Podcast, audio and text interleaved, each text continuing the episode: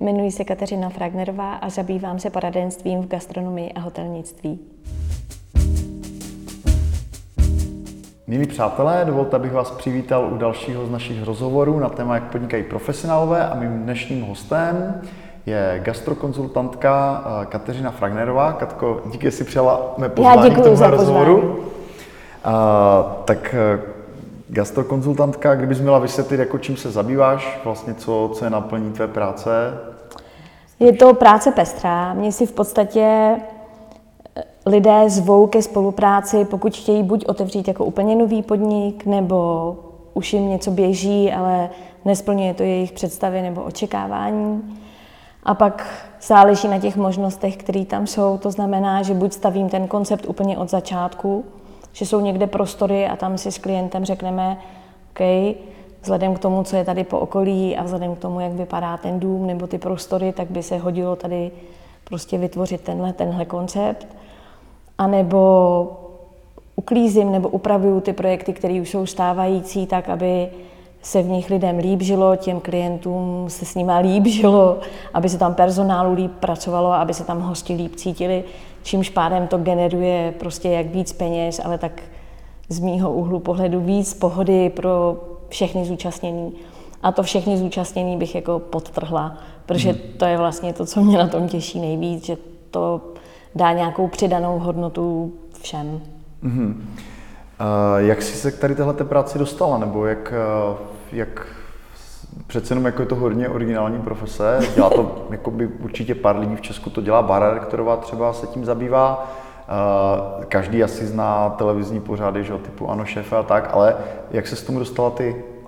Tak já mám hotelovku, potom jsem postupně procházela různýma provozama na place, provozní a tak dále, takhle to šlo pořád nahoru. A pak jak člověk vlastně tím projde od začátku, tak eh, získá respekt ke spoustě situací, ke spoustě profesí a pak si najednou začne uvědomovat, co je to, co dělá ty projekty úspěšnýma. A mě baví se pořád učit nové věci, plus mě baví stavět ty projekty úplně od začátku, až než prostě krásně běžej. A tak se to celý nějak jako rozběhlo a pak si mě lidi začali doporučovat mezi sebou a, a pak to najednou bylo jako. Mm. Tak eh, jak eh, ty říkáš, co dělá ty projekty úspěšnými, takže co to je, co, co jsou podle tebe jako ty klíčové ingredience, když eh, mm, se bavíme třeba o asi restauracích hlavně, že jo, nebo hospodách? Z mýho úhlu pohledu já moc ráda dělám jak ubytování, to znamená penziony, malý hotely, nebo bystra, kavárny, pekárny i restaurace. Myslím si, že po každý je to něco trošku jiného. Co bych všem doporučila je rozmyslet si to dobře, protože je to náročná práce mít malý hotel nebo mít bistro nebo pekárnu nebo kavárnu. Pokud se tam chce ten klient s tím potýkat sám nebo se toho zúčastňovat v každodenním životě, hmm. tak to opravdu není jednoduchá práce, ale je krásná na druhou stranu. A za mě je důležitý uvědomit si, co to přinese, co do času, co do spotřeby vlastní energie. Potom je důležitý si uvědomit, jaký možnosti ten, který prostor má. Takže doporučuji přistupovat k prostoru s velkým respektem. Protože můžeš mít představu, že si chceš otevřít kavárnu, ale stojíš před tím prostorem a je to pořád takový jako trošku divný, tak to chce se zamyslet nad tím, jestli zrovna v tomhle prostoru, v téhle lokalitě udělat si velmi precizní rešerše a podívat se, jestli to je to pravý. Zrovna tak s tím ubytováním. Vlastně, když máš nějaký prostor, hmm. tak máš úplně volné ruce a můžeš cokoliv. Tak je skvělý, když to ty lidi přizpůsobí sobě, svýmu nastavení. Je nesmysl, aby vegan dělal řeznictví a obráceně, nebo aby lidi, kteří jsou vášniví cyklisti, dělali ubytování, kde vlastně nebudou podporovat nějaký sporty nebo něco takového. Vždycky to chce pasovat i k těm klientům jako takovým. Mm-hmm. Určitě je strašně důležitý rozmyslet si cílovou skupinu, kdy cílová skupina nemusí být jen jedna. Můžou být třeba v jednom prostoru tři ty cílové skupiny. Ale zase se to musí sladit tak, aby se tam všechny vešly a aby tam těm lidem bylo dohromady dobře. Mm-hmm. Další věc, která je moc důležitá, je, aby ta koncepce byla dotažená do konce. Aby ta informace pro hosta, který přichází, byla jednoznačná. A aby se v ní dobře cítil, dobře orientoval a aby vlastně to pro něj bylo důvěryhodný už tím nastavením té koncepce. Hmm. Toho, že to není jako když pejsek s kočičkou vařili dort. Hmm. Chápu, děkuju.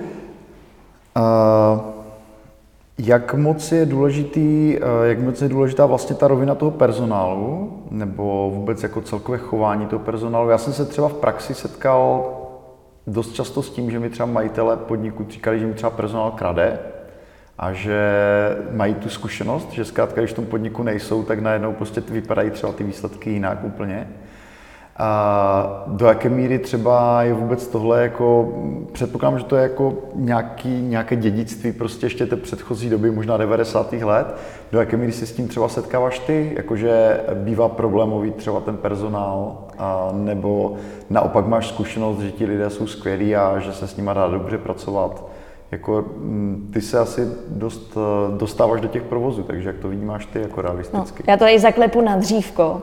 Já musím říct, že za poslední roky, já nevím, deset, se mi nestalo, že by s personálem byly problémy.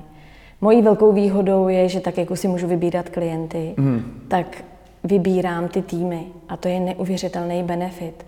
Když tomu konceptu na míru, těm lidem, pro, s kterými spolupracuješ, můžeš postavit ten tým. Mm. Nestalo se mi, že by se někde něco takového teď dělo. Lidí je málo a vlastně personál nechce nic jiného než ty klienti mít dobrou práci, která je těžší, mít k ní dobré podmínky, mít z toho dobrou výplatu, tudíž nebejt nucený dělat nějaký lumpárny. Myslím mm. si, že hodně důležitý je nastavení financí pro personál, benefitů pro personál, ale v neposlední řadě, a to bych fakt jako zdůraznila, chování klientů, ale i moje k personálu, protože někdy věta, lidi dneska jste to zvládli perfektně, může vyřešit strašnou spoustu věcí. Hmm. Jak je tvůj pohled na, když se teda bavíme o tom odměňování na spropitné díška? Uh... Já na to nemám asi jako úplně nějaký jako uhrančivý názor. Musím říct, že možná teda bych jako ještě to doplnil tu otázku jako, jak to vnímám z hlediska sebe jako hosta, jo? že uh, dost často třeba přijdu nějakého jakoby podniku, a platím typicky kartou a v podstatě jakoby nezaujatá obsluha se mi za, jako v podstatě tak chcete zadat propitné a je to v podstatě jakoby už to není na nějaké mé dobrovolnosti, víceméně asi by, asi by bylo, ale jakoby cítím se jakoby být jako tou situací v podstatě dotlačen do toho, abych to spropitně zadal, i když třeba nejsem bůh jak spokojen.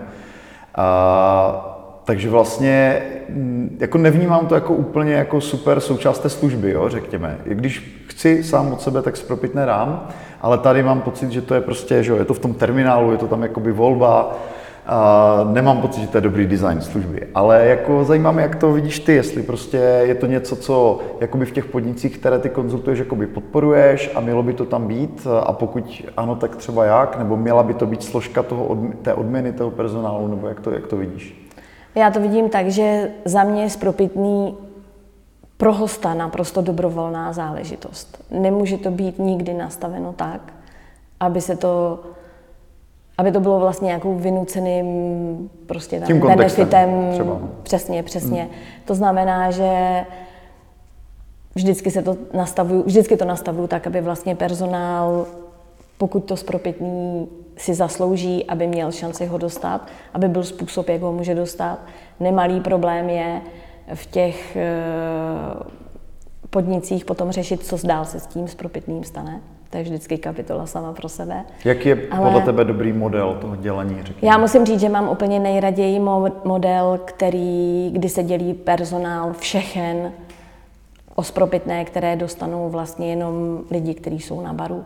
Protože si myslím, že důsledek toho, že host dává spropitný, mm-hmm. je daný společnou prácí. Já si myslím, že gastronomie víc než kdekoliv jinde je o neuvěřitelné spolupráci mm-hmm. mezi klientem, mnou a veškerým personálem. Tam, když někdo vypadne, ať je to paní u nádobí nebo kdokoliv, barista, kuchař, recepce, vždycky nastane problém, který se stejně musí řešit společně. Mm-hmm. Děkuju. Když ještě se posunu vlastně k té osobě toho majitele, já myslím, že jsem se setkal jako s dvěmi takovými dost protichudnými názory, kdy vlastně ten jeden říká, že ten majitel by měl v tom podniku být prakticky denně, nebo je to o tom ten biznis je, že vlastně lidé tam chodí často i kvůli tomu majiteli, Nemluví o tom, je, když je to třeba vyhlášený kuchař, že, který tam prostě i sám vaří, a, nebo se snaží prostě dostat to na nějakou gastronomickou jako úroveň. A, takže vlastně je to jakoby hodně závislý na té osobě. A ten druhý pohled, se kterým taky jsem se setkal, je ten, že naopak jako ten majitel by měl být jako dobrý manažer, mít, být schopný si ten podnik nastavit tak, aby to na něm jako závislé nebylo, aby to byl v podstatě koncept, který jako udržují ti lidé. A co je věc, ke které se přikláníš ty, eh, nebo jak, jak vlastně vnímáš tady ten Já si ten... myslím, já si myslím, že pro mě jsou Nebo vlastně... ještě, když to doplním, uh-huh. omlouvám se, mám pocit, že ty lepší podniky, které navštěvuju, většinou jako stojí na té osobnosti. Jo? Že tam prostě třeba i znám toho majitele, prostě vím, že ten člověk tam jako je a jakoby kultivuje ten podnik. Jako, jo? Takže jak se třeba díváš ty tady na tohle? Pro mě jako pro konzultanta je strašně důležitý v prvních vteřině nebo hmm. hned na začátku té spolupráce vědět, jak to vlastně klient vidí do budoucnosti. Jestli chce být součástí, každodenní součástí toho provozu a toho projektu, anebo ne. A na základě toho potom nastavuju. A je v tom samozřejmě spousta různých, různých drobných variant, kdy méně či více tam mohou být či ne, ale je dobré to vědět na začátku, protože hned potom se nastavuje. V dnešní době máme strašnou spoustu možností ohledně systémů rezervačních, pokladních, mm. jakýchkoliv, takže jako mít pod dohledem a vědět, co se v tom podniku děje, není problém. Na druhou stranu, tam, kde se majitelé zúčastňují, to vždycky nebo velmi často bývá benefit mm. toho podniku. Uh, takže jako snažíš se i nějak jako vést ty majitele jako k něčemu, k nějakému určitému přístupu, nebo jo, jako když ten člověk jakoby má ten sen, založit ten podnik, mít ho úspěšný, tak vlastně eh, někdo má jako spontánně jakoby ty vlastnosti, které by měl mít jako dobrý šéf nebo dobrý, dobrý provozovatel.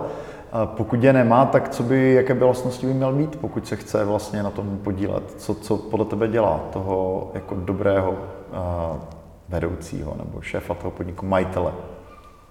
Určitě respekt k práci těch lidí, který tam má. To je podle mě zásadní, protože bez nich to nebude fungovat. Myslím si, že nejlepší šéfové jsou ti, kteří si váží práce svých lidí a nejsou takový ty šéfové ve smyslu udělejte, neudělejte toto, protože když se stavíte ten tým dobře, tak tam máte lidi, kteří vědí, co dělají, kteří hmm. mají zkušenosti, kteří vědí, co je potřeba, ale co nutně potřebují, je vaše podpora. Hmm. Podpora ve všech možných situacích od potřebujeme drobný, něco nám nepřivezli, někdo nepřišel do práce, protože onemocněl a v momentě, kdy, ale je to i takový to, jako že jdete naklepete ten polštář, nebo tam zapálíte tu vůni, nebo za ně zapnete hudbu, že teď zrovna to nestíhají. Často hmm. to jsou drobné detaily, ale za mě ta podpora je nejcennější, protože ji vidějí i hosté a takže tím pádem je to i o péči nejenom o ten personál, ale i o ty hosty. Mm-hmm. A to je moc důležitý. Na druhou stranu jakoby nevzniká právě tady uh, ten mikromanagement, že, který jakoby pro toho majitele může být jako časem jako velkou zátěží, že vlastně když si personál zvykne, že majitel vlastně je ten dotahovač, uh, který prostě za ně řeší, řekněme, nějaké drobné nedostatky, tak když pak tam ten majitel není, tak ten hmm, koncepce může jako dost rychle rozpadnout. Nebo mi to tak jakoby... Já s tím, já s tím tuhle zkušenost hmm. nemám. Taky všechny ty provozy a projekty se rozvíjejí, mm. tak jako jde ten čas v těch projektech, tak ti majitelé mají žádné děti, malé děti, mm. školou povinné jo. děti a tak dále. To znamená, že vždycky je možnost to nějakým způsobem pootočit, ale prostě když máte ten tým dobře nastavený, tak není problém odjet na dovolenou. Není problém dělat si věci, které vás baví. Hmm. Není problém v podstatě nic, pokud je tam nastavená spolupráce hmm. v tom pravém slova smyslu. Hmm. Dobrá, děkuju za upřesnění. A další věc, na kterou bych se chtěl zeptat, a zase jakoby možná optikou mne, co by lajka hosta, z mého pohledu jako negativní jako fenomen, se kterým se setkávám jakoby uh, často v lepších uvozovkách, nebo jak to říct, předražených restauracích, nebo dražších restauracích, že uh, třeba hlavní porce jo, je, má třeba méně než 100 gramů. Prostě hlavní jídlo. Jako je to fakt jako v podstatě já jako chlap, se absolutně jako nemám šanci najíst toho jídla. Už se mi to i párkrát stalo, jsem to třeba i reklamoval, protože když člověk přijde do podniku a, a chce se prostě normálně si dát oběd a teďka vidí, že hlavní porce je v podstatě jako zcela nedostatečná. Jo. A teďka ten uh, personál to obhajuje prostě jako vehementně, že to je jako naprosto v pořádku.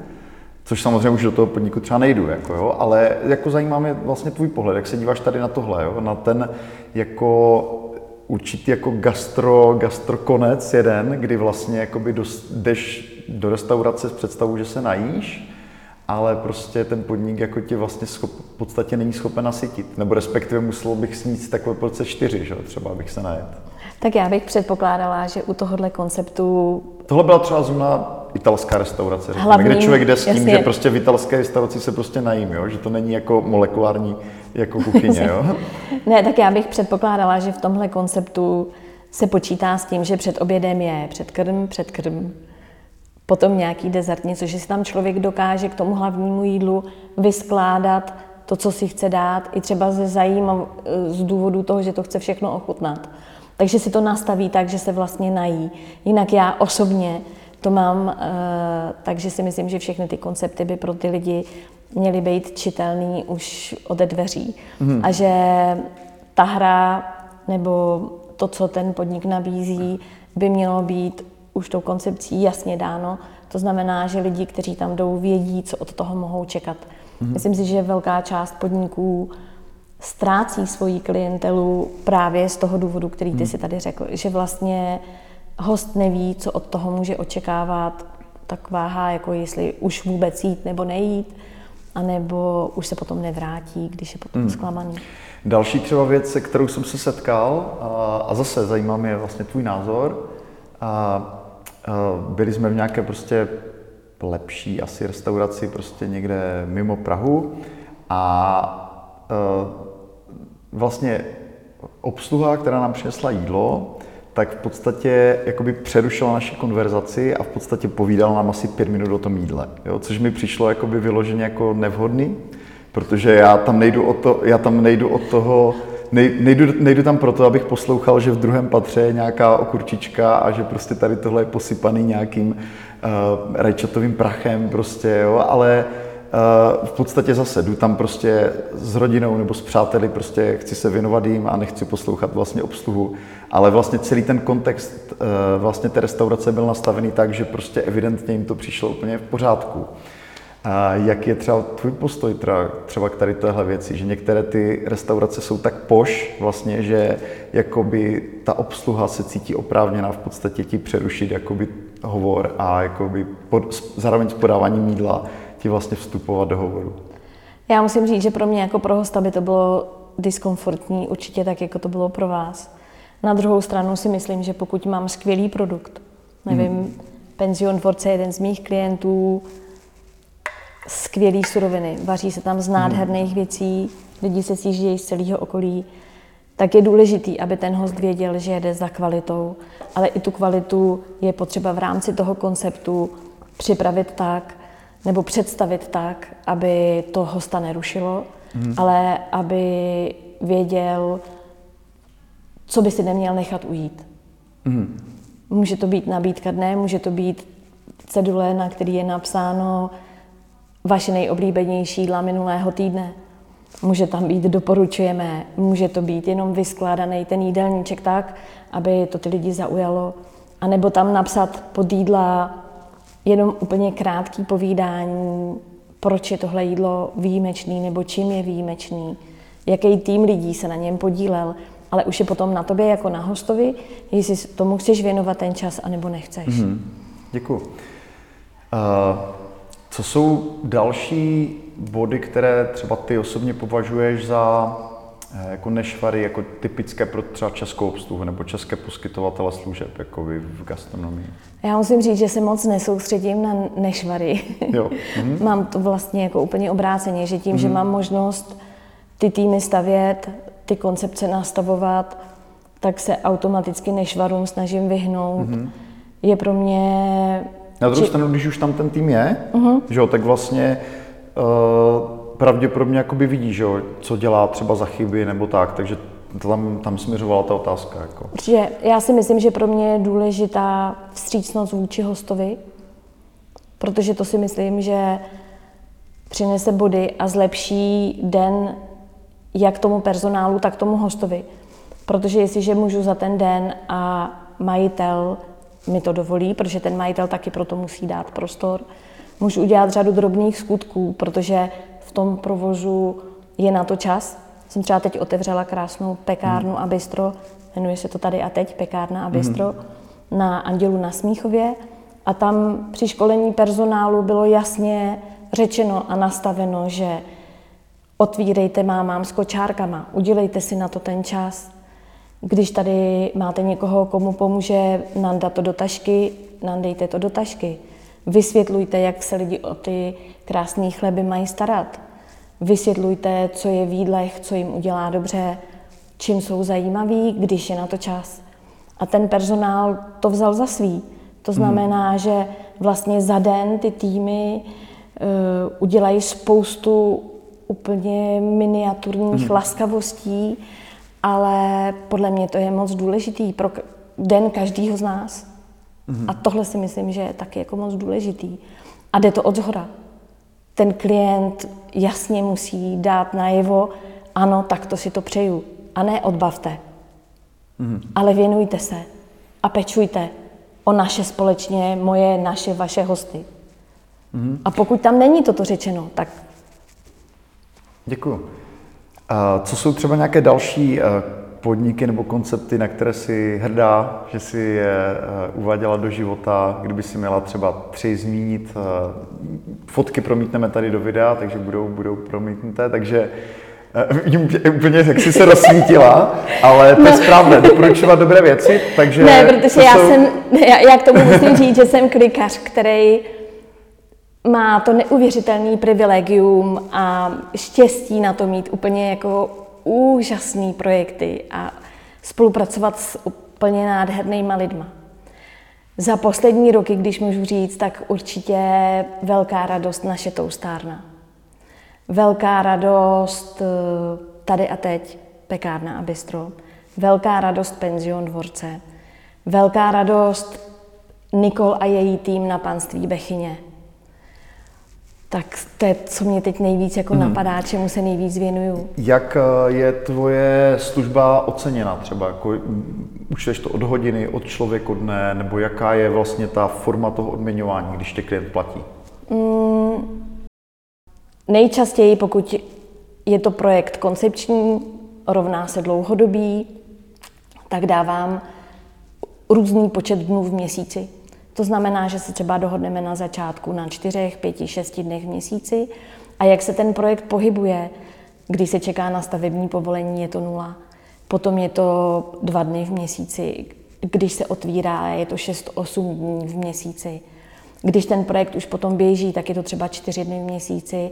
A pak, když už, já nevím, třeba po dvou, třech letech hmm. spolupráce, tak je to třeba jenom jeden den v měsíci, kdy dozoruju a hlídám, aby ta koncepce zůstala tak, jak má být. Takže ten čas je účtovaný spíše od dnů? Spíše od dnů. Často po mně lidi chtějí jenom nějakou krátkou konzultaci, třeba rozhodnutí toho, jestli si mají nějaký prostor pronajmout, jak vypadá ta nájemní smlouva, jestli ta lokalita je dobrá, nebo mají nějaký problém s personálem a potřebují se třeba poradit o nastavení nějakých mantinelů nebo něco takového, tak tam je to potom hodinová záležitost. Díky moc. Uh, kam, kam podle tebe směřuje vlastně česká gastroscéna, co jsou jako nějaké trendy, které ty vnímáš. Zase dívá se určitě na tenhle rozhovor určitě pár lidí, kteří sní o nějakém vlastním podniku, o nějaké vlastní kavárně, hospodě, penzionu.